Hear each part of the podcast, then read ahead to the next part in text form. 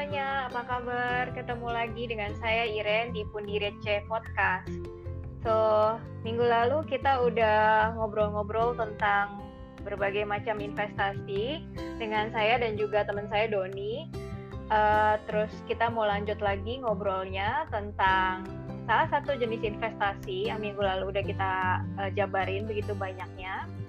Uh, nanti kita bakal bahas dua tipe investasi yang untuk hari ini. Oke, sebelum kita mulai detail, uh, mau gue sampein dulu disclaimer ya kalau podcast dan blog pun direceh uh, ini tujuannya untuk edukasi, untuk edukasi uh, saja untuk teman-teman, bukan untuk uh, sarana beli asuransi atau financial product lainnya So, ini hanya untuk bagi-bagi ilmu dari apa yang udah kita punya dan kita berharap bisa berguna untuk kehidupan teman-teman yang dengerin podcast kita ini. Oke, um, kita sapa aja langsung narasumber kita. Halo Don, apa kabar? Halo Iren, uh, kamu baik? Apa kabar? Baik Oke, uh, jadi benar ya hari ini kita mau bahas uh, investment ya? Ya tentang fixed deposit sama uh, bond atau obligasi. Ya, Karena jadi... kita udah bahas minggu lalu semua uh, berbagai macam aset kelas dan uh, saat ini kita mulai hari minggu ini sampai minggu-minggu yang akan datang kita bakal bahas satu persatu aset kelas yang ada.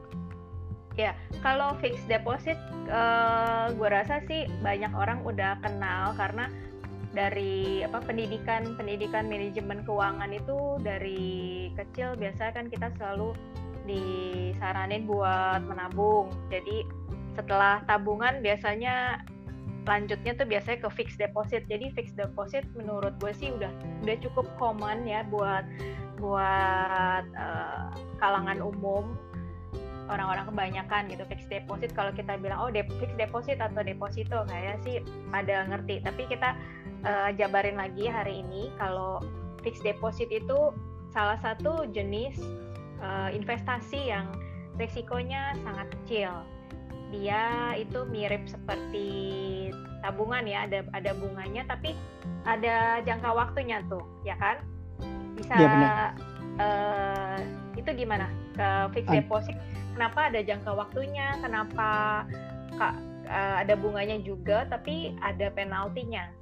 Iya, jadi kayak uh, orang tua sebenarnya saya belajarnya juga dari orang tua saya. Orang tua saya suka uh, nabung di fixed deposit, jadi sampai sekarang. Jadi makanya saya belajar dari, dari kecil fix, pertama kali belajar tentang fixed deposit. Jadi seperti yang Iwan bilang ada berbagai macam jangka waktu yang kita namakan jatuh tempo satu bulan, tiga bulan, enam bulan atau satu tahun. Jadi setelah jatuh tempo itu biasanya automatically roll, over uh, atau kita bisa ambil. Kalau dalam sebelum jangka waktu jatuh temponya habis, kita bakal kena penalti karena itu adalah komitmen kita. Nah, dalam bunga 1, 3, 6 sampai 1 tahun itu beda-beda. Tapi ingat kalau kita ke bank ya, kita masuk ke counter pasti di, di, di dinding ada tulisan uh, bunga-bunga deposito yang beda-beda persentasenya. Dan persentase yang tertera di situ adalah per tahun. Jadi kalau satu bulan dua tiga persen gitu atau tiga persen jangan dipikir dalam satu bulan kamu dapat tiga persen tapi di satu bulan uh, itu tiga persen itu per tahun mesti dibagi 12 gitu. Iya benar-benar itu gue pernah pernah uh, pernah ada kejadian tuh kok kok gede banget ya ternyata gue salah itu ternyata adalah dia bunga per tahun bukan bunga per bulan. Iya jadi kalau bunga per bulan uh, sekarang enam persenan atau tujuh persen banknya bisa bangkrut.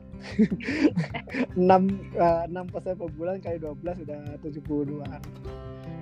Yeah. Jadi sebenarnya fixed deposit itu atau deposito tuh simple. Dia kayak tabungan biasa, tapi kita nggak bisa ambil sewaktu-waktu. Kita cuma bisa ambil pada saat dia jatuh tempo. Jatuh temponya bisa macam-macam. Ada yang satu bulan, tiga bulan, enam bulan, ada yang satu tahun.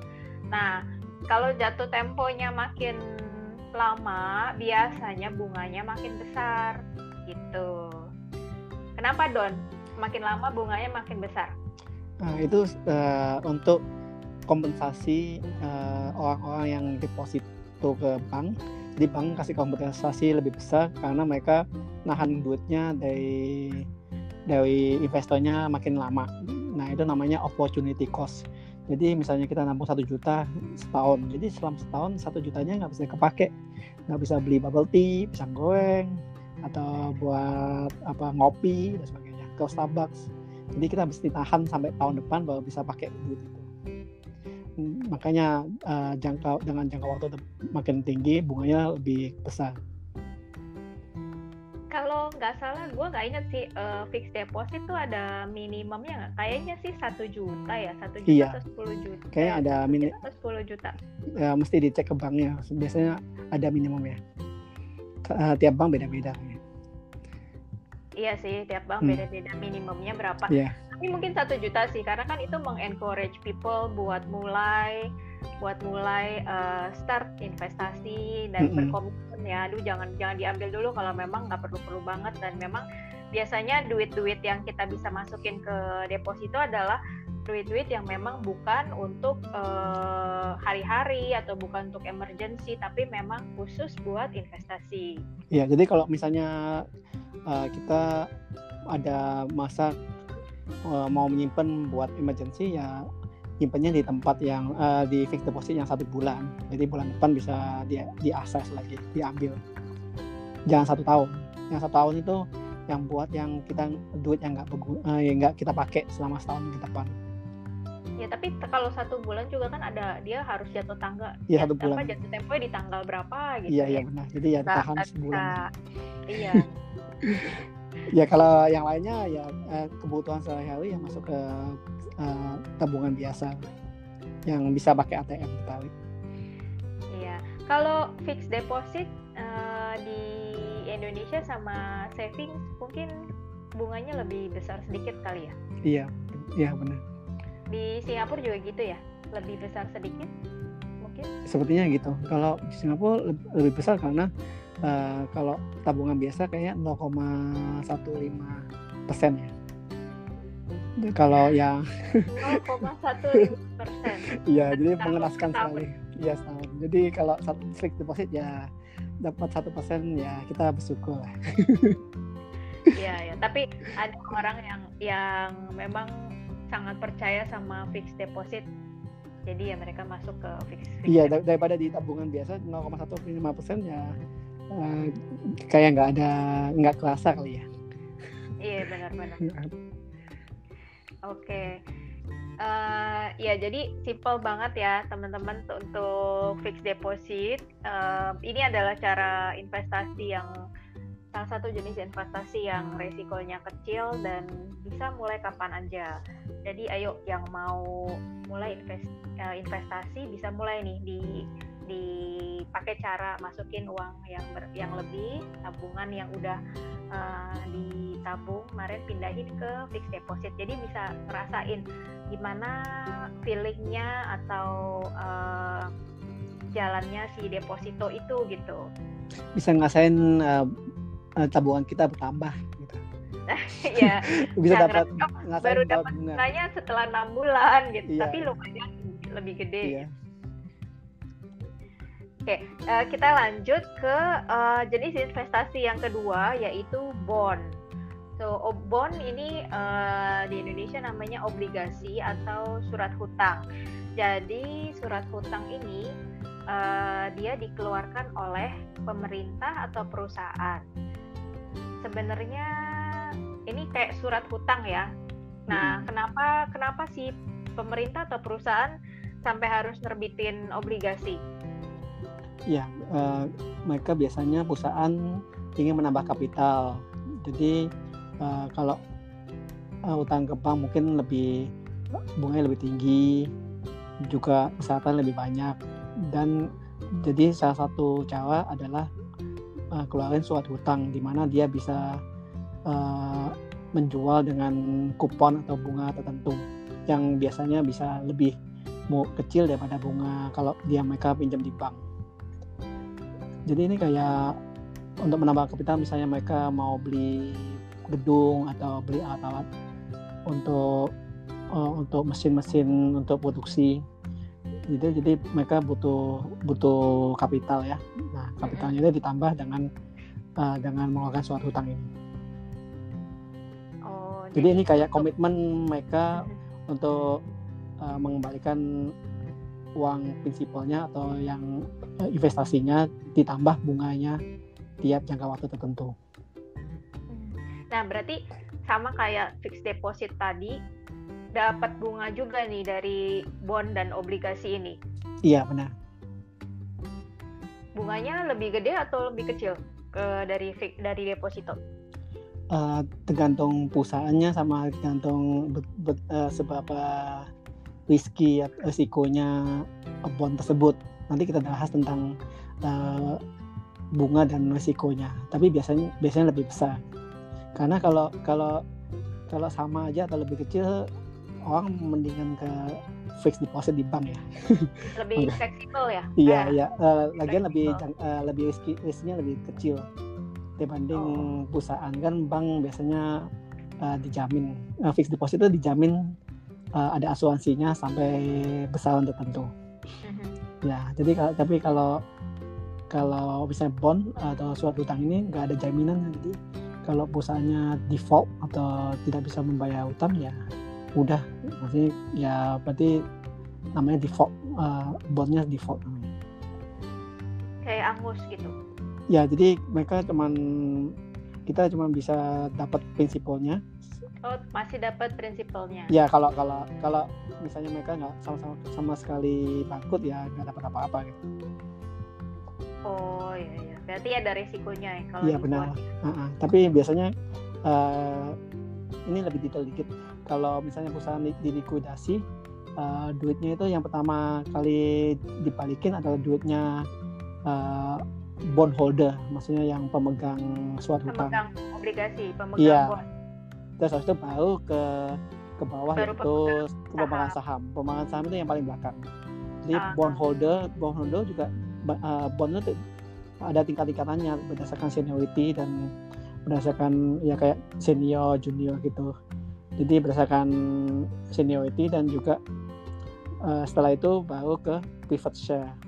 Habis okay. pivot share berarti habis itu ke common share. Jadi ada ada priority-nya lah nah bondholder okay. itu adalah yang paling awal paling gede priority Iya bisa bisa gue bilang kalau kita punya bond atau kita beli bond obligasi itu sebenarnya kita uh, menginvestasikan duit kita ada resikonya di perusahaan tersebut atau di pemerintah.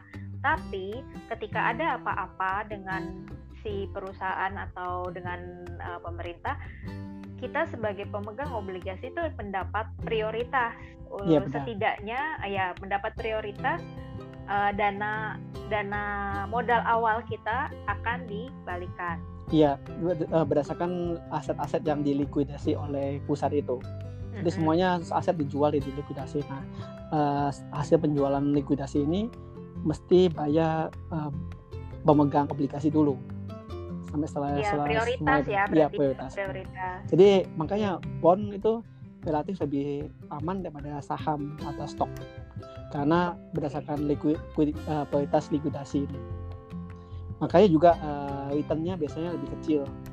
Nah, ngomongin returnnya, uh, bunganya ya berarti ya, ya itu sekitar sekitar berapa? Kalau uh, kita ngomongin si bunganya bond ini? Uh, dengan di negara mana sih? Tapi kalau di Singapura biasanya tiga persen sampai enam persenan ya. Kalau kalau corporate ya, kalau yang perusahaan-perusahaan tapi kalau uh, pem, obligasi pemerintah itu sekitar 1 sampai dua persen lah. Eh, ini di Singapura. Dapatnya eh, dua uh, persen atau bunganya dapat ini per tahun juga berarti kan? Ya ada per tahun ada per enam bulan. Namanya semi annual. Tapi bunga rate bunganya tetap per tahun. Per tahun, benar kayak yang fixed deposit tadi. Jadi jangan salah. Iya. Kalau misalnya tiga persen atau empat persen itu itu per tahun jadi kalau bisa dua kali ya dibagi dua jadi enam tahun enam bulan pertama dapat dua persen enam bulan kedua dapat dua persen jadi total empat persen per tahun oke berarti uh, tetap dapat bunga tadi ya kalau kita punya bond itu tetap dapat bunga uh, bunganya dapatnya per enam bulan sekali atau satu tahun sekali dilihat lagi ketentuan di di surat obligasinya ya, kemudian mm -mm, range-nya kalau kalau uh, obligasi yang diterbitkan oleh pemerintah atau punya pemerintah biasanya lebih kecil daripada dari perusahaan atau corporate bond. Kenapa lebih kecil? Karena lebih aman. Jadi pemerintah itu yang yang istilahnya pem, uh, yang pengasuh lah. Jadi maksudnya mereka lebih lebih punya financial resources ya. Jadi biasanya lebih lebih aman dibanding perusahaan. Kan lebih besar ya. Nah kalau perusahaan ini uh, bubung lebih riski kan perusahaan bisa bangkrut. Kalau pemerintah bangkrut lebih susah lagi gitu. Kayaknya unlikely ya, lebih kecil kemungkinan makanya uh, bond-bond atau obligasi pemerintah ini lebih kecil risikonya dan lebih kecil juga bunganya. Nah, tapi tadi eh, perusahaan-perusahaan itu kan banyak gitu perusahaan uh, eh, gue nggak tahu sih berapa banyak perusahaan yang bisa ngeluarin surat hutang dan siapa aja pasti ada kriterianya dong. Terus kita sebagai pembeli si surat hutang itu gimana cara nentuinnya uh, si perusahaan ini bagus atau enggak atau dia bisa bayar duit kita balik kayak iya benar. Jadi kita uh, nanti menuju ke sana jadi kayak credit rating ya. Namanya kita uh, ada kriteria namanya credit rating yang dikeluarkan oleh credit rating agency Nah oh. itu ntar saya, kita bahas nanti. Nah, okay. kita bahasnya sekarang tentang kupon dulu. Okay, jadi okay. jadi itu yang 1 sampai dua persen itu government bond sama corporate bond itu 2 sampai enam persen itu di Singapura. Tapi kalau di Indonesia mungkin lebih dari itu. Di Indonesia mungkin sekitar 5 ya, sekitar 5 ya, 5 sampai 5 sampai 7 lah ya. Benar atau 8. Ya itu government bond. Kenapa? Karena credit rating again. Uh, uh, risiko uh, obligasi pemerintah di Indonesia sama obligasi pemerintah di Singapura itu beda. Jadi di Singapura itu lebih kecil ya uh, risikonya karena mereka punya reserve lebih banyak sama lebih stabil negaranya. Biasanya kalau negara lebih stabil dan foreign reserve-nya atau uh, cadangan devisa negara tersebut lebih banyak, itu lebih safe kredit ratingnya lebih tinggi. Seperti Singapura itu AAA tipe A itu yang the highest rating. Nah nanti kita bahas lebih lanjut. Tapi the higher the highest rating itu berarti lebih uh, tingkat uh, defaultnya adalah 0,001 persen. Jadi kemungkinan untuk nggak bisa uh, negara itu atau perusahaan itu tidak bisa membayar atau default bunga saat itu itu sangat kecil. Makanya kredit ratingnya tinggi. Uh, dan karena kredit ratingnya tinggi tingkat risikonya kecil makanya bunganya lebih kecil. Oh jadi uh, semua surat-surat obligasi itu uh, ada kayak ratingnya ya? Kredit ratingnya tuh di mana nih? Paling bagus atau sedang atau nggak terlalu bagus? Nah itu mm -hmm uh, itu kita bisa lihat kan pada saat kita mau beli obligasi ya. Tadi ada hmm. ada yang kredit ratingnya AAA itu dia paling bagus gitu. Ada yang cuma AA atau BBB gitu ya. Iya benar. Itu yang ngasih tadi siapa? Kredit rating agency. Dia berarti um, per negara atau gimana tuh? Ya sebenarnya ada penegara, uh, penegara sama pe perusahaan dan uh juga pe obligasi. Jadi obligasi yang saya kasih tahu tadi itu beda-beda. Jadi dari satu perusahaan pun obligasinya bakal beda. Uh, ada obligasi senior sama dan obligasi junior. Nah, masih banyak lagi itu tingkatannya. Jadi berdasarkan tingkat klaimnya kalau likuidasi yang senior itu yang paling tinggi yang prioritasnya uh, prioritasnya dan juga paling Oh. kecil bunganya. Dan juga Oke. dengan dong itu biasa suatu hutang itu bakal ada jaminan. Jadi kalau kita hutang ke bank ya, pasti kita kasih jaminan nih, jaminan saya uh, hutang Nah. satu miliar itu jaminan saya adalah rumah di sini. Iya. Ini sama, jadi namanya aset back. Jadi di backup backing sama aset kita, asetnya. aset pusat itu. Oke. Jadi kalau makin banyak aset yang di backup buat uh, suatu hutang ini makin tinggi senioritasnya. Jadi kalau ada yang uh, lebih risky karena di backup dengan aset yang lebih risky gitu. Oh, ini menarik sekali nih. Jadi Mm-mm. ka- ketika ketika si perusahaan eh, ngeluarin surat hutang, ada tingkat-tingkat eh, surat hutangnya juga ada macam-macamnya. Ada ada yang tingkat senior, ada yang junior gitu ya. Iya, iya benar. Dan dia juga ngasih jaminan gitu ya ke, Iya. ke para pemilik obligasi ini. Iya, dan uh, tingkat risikonya juga uh, bakal di rating sama credit rating agency. Jadi dalam satu satu perusahaan credit rating perusahaan itu ada misalnya misalnya AA, B, uh, AA, A, AAA triple A atau AA aja gitu, double A. Nah itu itu perusahaannya, tapi surat utangnya bisa aja lebih kecil. Jadi kayak surat utang ini uh, yang junior itu BB gitu atau BBB. Oke, oke. Eh, nah, se- se- apa namanya? Jadi kita bisa bisa patokan sama si credit rating ini ya. Iya, karena itu adalah kayak ISO ya, sama uh, ISO standar, standar, ya. Iya, standar internasional. Jadi mungkin kita ke sana. Jadi credit rating ini dikeluarkan sama credit rating agency. Ada tiga, ada Moody, ada Standard Poor, ada Fitch, Fitch namanya. Nah, da- dari tiga credit, credit rating agency ini, uh, nam, pe- apa ya, nomenklaturnya atau penamaannya beda-beda. Oh. Jadi- tapi maksudnya sama kan? Tinggal nanti Iya. kita cek aja dia pakai standar yang mana gitu. Ya, jadi itu standar yang eh, dikeluarkan beda-beda kan, tapi sama eh, artinya gitu. Hmm. Itu biasanya ditulis dengan abjad atau alfabet atau namanya apa? Huruf ya. huruf ya. Iya. Pakai Jadi huruf, yang ada- paling tinggi ada itu yang- yang kecil A.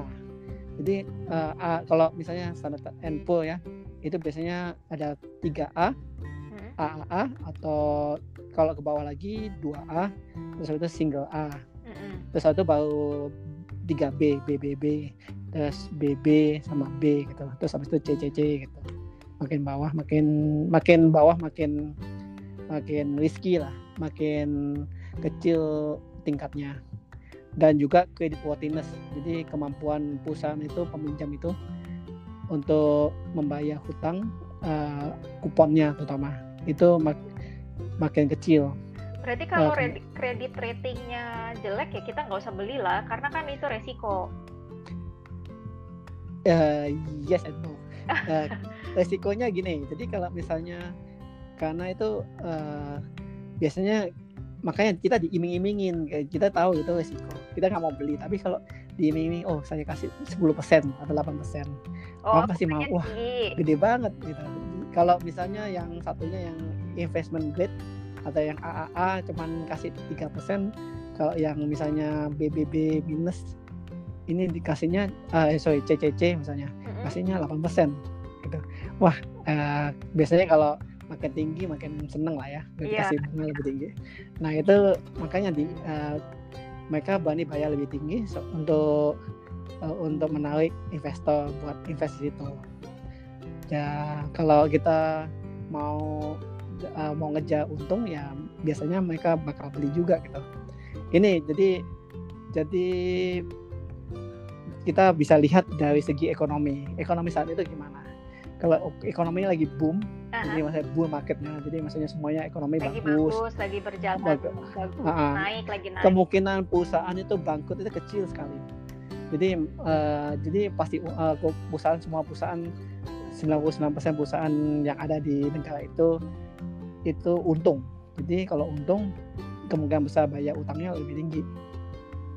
Eh, jadi kalau kayak gitu resikonya kecil jadi kita bisa consider yang high yield bond atau junk bond yang tadi yang yang kasih bond Hmm. yang yang ngasih bunga lebih gede ya yang yang ratingnya kecil lah yang CCC gitu yang Nah. namanya junk bond atau buat spekulatif grade jadi ada dua jadi yang di AAA yang 3A sampai BBB eh, 3B minus itu adalah namanya investment grade. Grade eh, jadi grade-nya investasi bagus buat investasi.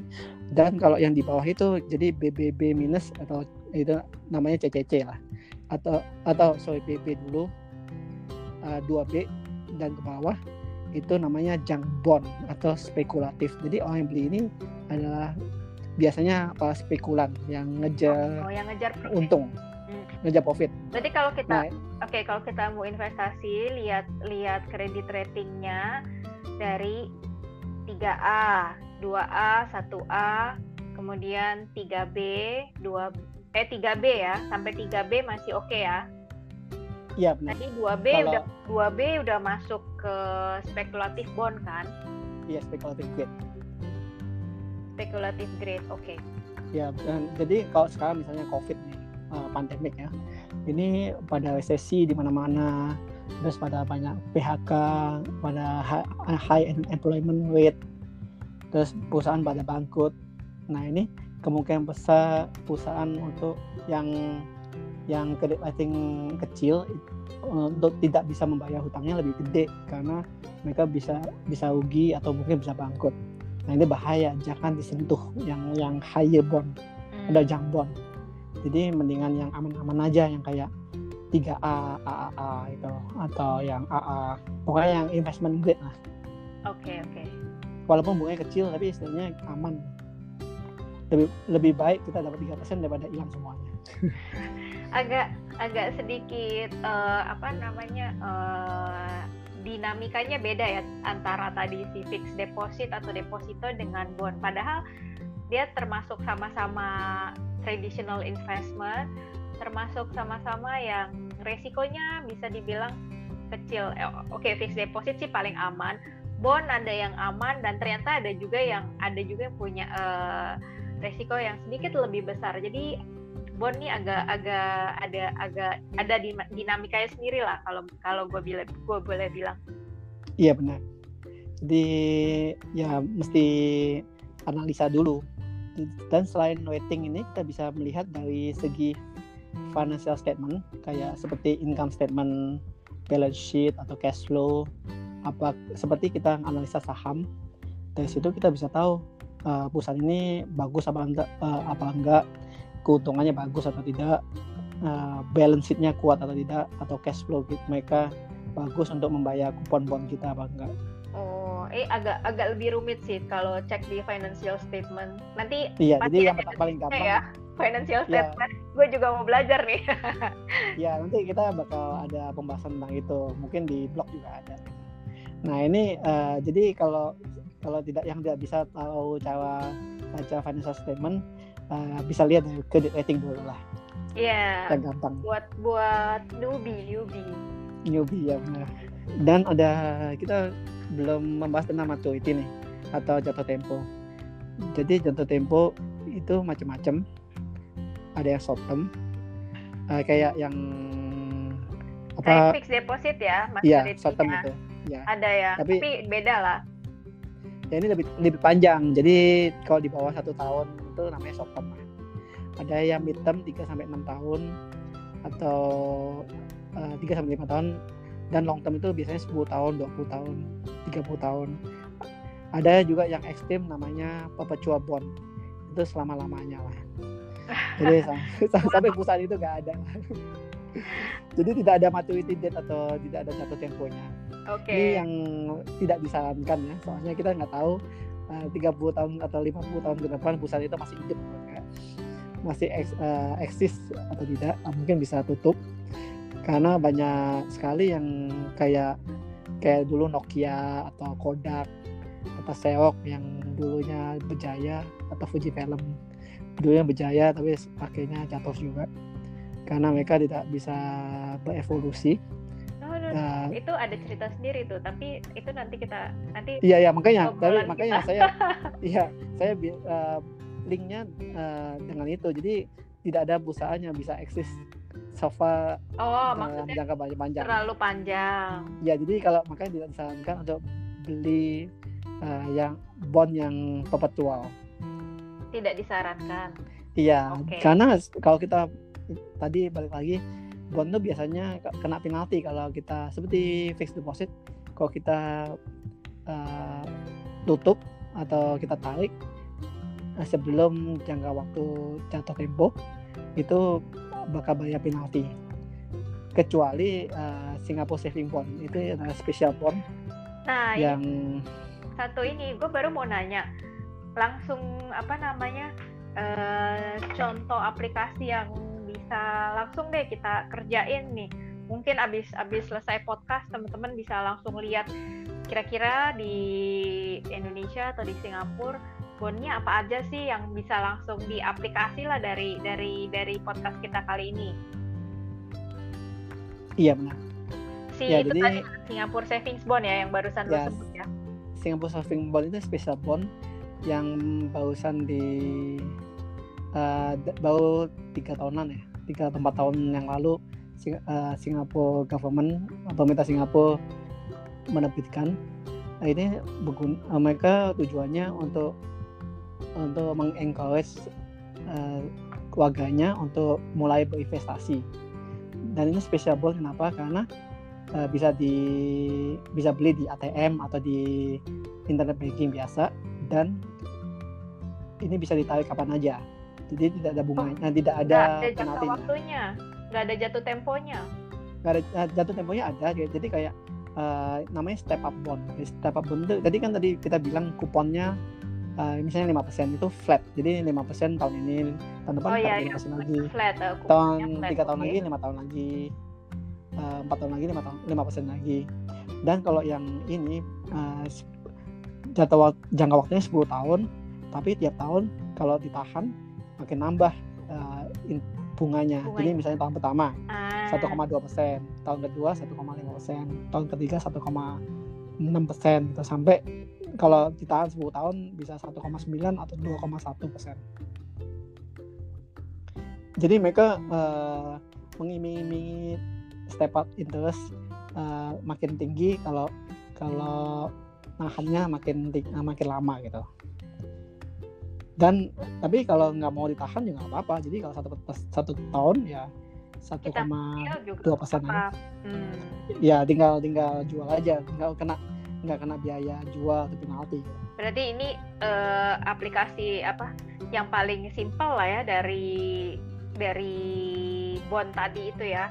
Bisa dibeli apa lewat ATM juga lewat internet banking eh, as simple as that. Iya. karena memang tujuannya tadi eh, untuk untuk mengedukasi orang-orang untuk me, apa namanya encourage orang-orang supaya berinvestasi tapi dalam bentuk bond. ya yang paling eh, risikonya paling kecil. Karena dijamin sama pemerintah. Dan Singapore pe- government itu kredit ratingnya AAA Oh oke. ya yang paling tinggi. Dan juga ini eh, dengan minimum 500 dolar ya. Jadi Oh, dengan 500 jadi- dolar, jadi kelipatan 500. Jadi bisa beli 500, 1000, 1500 Singapura dolar. Iya, which is which is sebenarnya sangat-sangat kecil karena biasanya bond itu butuh eh surat hutangnya tuh biasanya harus beli dalam nominal yang sangat besar. Iya, kalau biasanya yang standar itu satu lot itu kayak 100.000 USD atau Wah. eh, ya kalau di miliar jadi 1 M rupiah gitu. Nah, kalau Ya, jadi eh, kecil ya. ya kebanyakan bond ini bisa diakses sama high network eh, in- investor. Jadi kayak kayak yang kita bi- bi- bilang kemarin yang hedge fund yang Mm-mm. bisa di yang bisa Oh. diakses sama high level investor. orang-orang yang high level investor lah yang punya dana lebih tinggi. Kalau buat yang retail investor kita ini adalah namanya re- retail investor ya. Kayak kayak yang orang seh- sehari-hari lah kebanyakan orang kebanyakan. Mhm, mhm. bisa jadi bisa belinya yang government bond atau yang kok di Indonesia itu apa ya? Uh, Bank Indonesia ya. Jadi kayak suatu utang pemerintah Indonesia juga ada. Iya. jadi bisa mulai dari sana lah. Di Singapura kayaknya bisa juga beli bom ada uh, ada yang namanya ORI ya? obligasi obligasi oh. negara retail Republik Indonesia itu obligasi hmm. dari, ya, dari Indonesia yang dikeluarin sama pemerintah Indonesia oke okay, ya dan uh, dengan jalan lain adalah beli namanya exchange traded fund exchange itu mungkin fund. bisa dibahas ya itu ETF itu kita bisa bahas lebih dalam dalam uh, di acara acara yang akan datang lah. Ya, di minggu-minggu yang akan datang. Tapi ini adalah kayak kayak fund atau mutual fund yang bisa dijual belikan seperti saham. Kayaknya minggu lalu kita sudah bahas. Ya ada nah, ada ETF ada ini ETF hmm, ya. ya. kita bahas.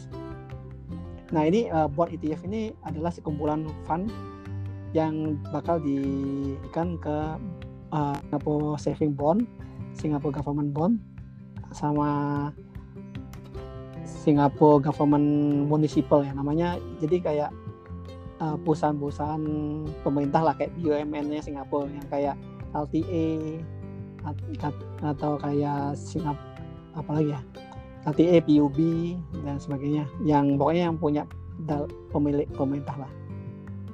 Oh, uh, jadi oke okay uh, kayak retail investor kayak kita kita yang biasa ini uh, kalau mau beli bond bisa di Singapura ya di Singapura bisa beli uh, eh, SSB Singapore Saving Bond atau beli uh, bond yang bentuknya bond ETF si bond ETF ini uh, minggu lalu kalau ada teman-teman yang dengerin ETF tuh sebenarnya termasuk dalam alternatif investment sementara bond adalah traditional investment. Is like a combination between them. So dia dia apa namanya dia ETF tapi diinvestasikan ke berbagai jenis macam bond. Ya, gitu sih itu simpelnya. namanya yang ada itu namanya Asian Bond Fund ABF ABF Oh, Asian Bond ya, Fund. Asian Bond Fund. Nah, itu bisa dibeli. Salah satu contohnya ya, ya si bond itu. Bisa dibeli di Singapore Exchange lah. Jadi kayak misalnya nah, seperti stok biasa, tinggal ketik aja ABF. Oh, ini bisa dibeli juga di regular saving plan-nya salah satu bank di iya, Singapura. Iya, benar. Bisa beli di di situ, bisa dibeli di Singapore Exchange juga. Jadi kayak udah lewat broker. Iya, jadi pada dasarnya kalau mau mulai beli eh mau mulai uh, fixed deposit dan bond itu tidak sesusah yang kalian bayangkan. Uh, banyak channelnya dan bahkan nilai investasinya pun sangat-sangat terjangkau gitu mulai dari dari 500 uh, eh, dolar bisa atau bahkan kurang dari itu sebenarnya juga bisa beli uh, bond itu lewat bank atau lewat uh, apa akun trading kita ya iya benar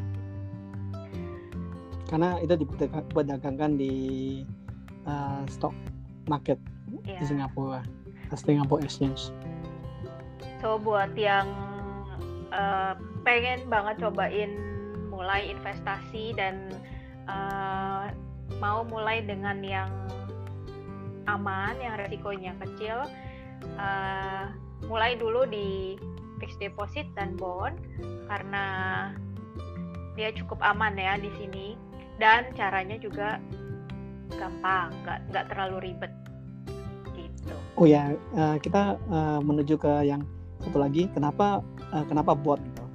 Jadi bond itu adalah lebih stabil karena kuponnya selalu stabil dan harganya nggak mungkin turun kecuali ya, kalau nggak mungkin rugi dijual, ya kapital nggak mungkin rugi benar. Kapitalnya uh, kecuali bangkrut lah atau uh, bisa dijual belikan sih tapi kayaknya jarang. Jadi harganya selalu sama dan kita dapat bunga terus ya regularly atau tiap enam bulan atau satu ya, tahun. dan sedangkan saham itu naik turun. Jadi biasanya kalau kayak gini saham kan volatile sahamnya. Jadi kalau sahamnya semuanya turun kayak kayak lagi lagi market crash jadi kalau kita ada posisi portfolio kita yang uh, dalam bentuk bond itu bisa menghindari uh, semua portfolio kita turun lebih dalam, lebih jauh jatuh lebih lebih banyak. Ya intinya intinya si bond ini uh, dalam dalam dunia investasi itu ada salah, salah, salah satu tools yang hampir kebanyakan orang uh, biasanya punya itu buat safety net juga karena kan ya. si bond ini lebih resiko lebih kecil gitu. Itu buat diversification ya, Divers, diversification, uh, diversifikasi. sebagai, sebagai alat diversifikasi untuk uh, investasi di diversification. Ya jadi buat, buat um, menurunkan risiko. Jadi misalnya saham kan risiko lebih tinggi. Tapi kalau dicampur dengan jangan dengan bond jadi risikonya bakal lebih kecil karena ya, kalau kalau 50 persen 50 persen jadi risikonya dibagi dua lah. Ditambah dari sebagai dua ya kayak inilah apa kalau misalnya a, kalau air kemanisan ya kita tambahin air lagi gitu. Kalau es teh di kemanisan ditambahin air lagi jadi nggak terlalu manis. Ya sama kayak gitu.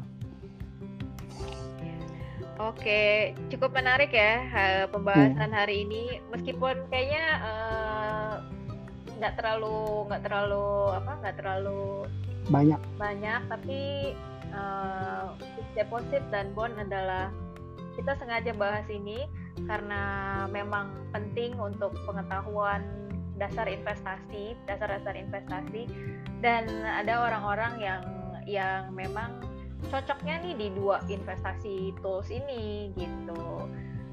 Uh, yang terutama yang risk risk averse yang risiko nggak mau ambil risiko lebih gede. Iya betul. Biasanya ini lebih uh, kalau kita ngomongin apa namanya uh, market trend ini produk produk-produk fixed deposit dan dan bond ini lebih cocok ke yang agak-agak lebih tua gitu. Udah nggak mau terlalu ambil resiko. iya benar. Dan juga yang kaya ada orang bilang yang makin kaya orang itu biasanya makin kecil mereka mau ngambil risiko.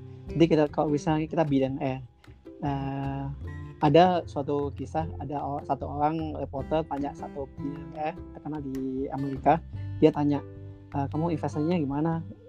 Terus dia dia bilang e, karena kenapa kok kamu kaya gitu? Investasi di mana?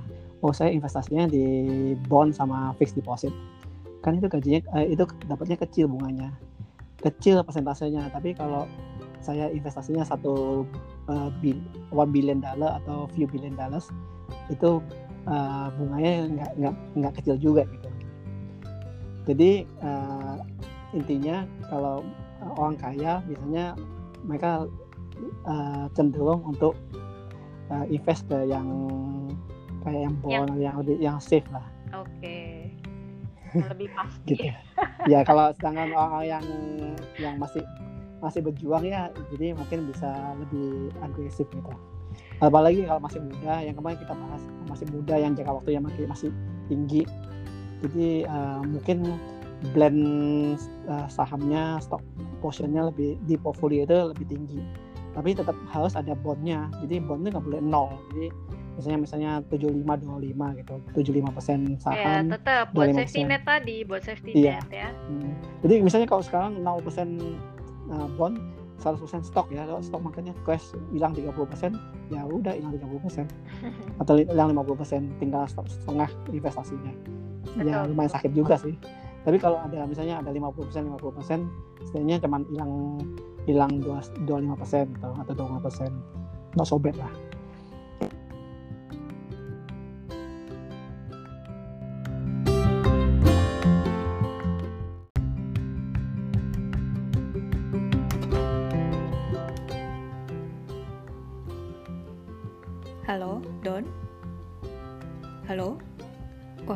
kayaknya putus nih teman-teman.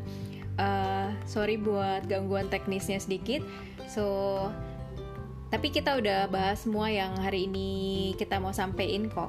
Jadi uh, untuk quick recap uh, hari ini tadi kita udah bahas tentang aset class fixed deposit sama bond yang dua investasi ini termasuk investasi yang resikonya paling kecil buat yang mau mulai belajar investasi bisa masuk ke fixed deposit atau ke obligasi. dua-duanya fixed deposit dan deposit uh, fixed deposit dan bond maksud saya itu dia punya dia dia kasih bunga ke kita. Jangka waktu bunganya berbeda-beda ya untuk fixed deposit. Macam-macam 1, 3, 6 bulan dan satu tahun kemudian untuk bond biasanya dapat bunganya 6 bulan sekali nah uh, untuk bond itu sebenarnya dia ada resikonya tapi lebih kecil daripada resiko si saham misalnya nah banyak banyak uh, beberapa tipe bond itu ada dua tipe yaitu uh, bond yang dari pemerintah atau government bond atau dari corporate bond. Bunganya agak sedikit berbeda. Kalau government bond itu biasanya lebih kecil daripada corporate bond. Oke, gimana cara taunya bondnya itu bagus atau enggak? Kita bisa cek di dari kredit ratingnya. Kemudian kalau dari bond-bond yang diisu dari corporate corporate itu biasanya kita bisa cek juga di dari financial statement si perusahaan itu profitnya bagus atau enggak, balance sheetnya gimana bagus atau enggak. Nah untuk retail investor seperti kita uh, kita bisa beli bond itu kalau di Singapura bisa ada Singapore Saving Bond kalau di Indonesia mungkin ada yang namanya ORI tadi ya Kemudian uh, bisa juga kita beli dari bond ETF. Nah, segitu aja pembahasan dari uh, Pundi Receh Podcast kali ini tentang deposito dan obligasi. Semoga bermanfaat untuk semua teman-teman yang udah mendengerin kita. Untuk lebih detail di pembahasan ini bisa kalian baca-baca lagi di Pundi Receh uh, pundireceh.com. Di pundireceh.com di situ uh, ada tulisan tentang podcast hari ini.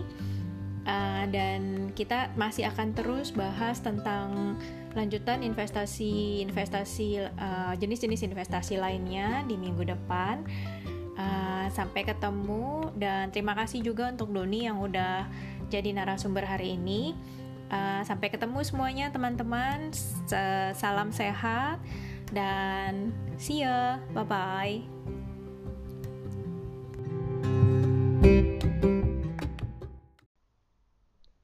testing 1 2 3 testing 1 2 3 testing 1 2 3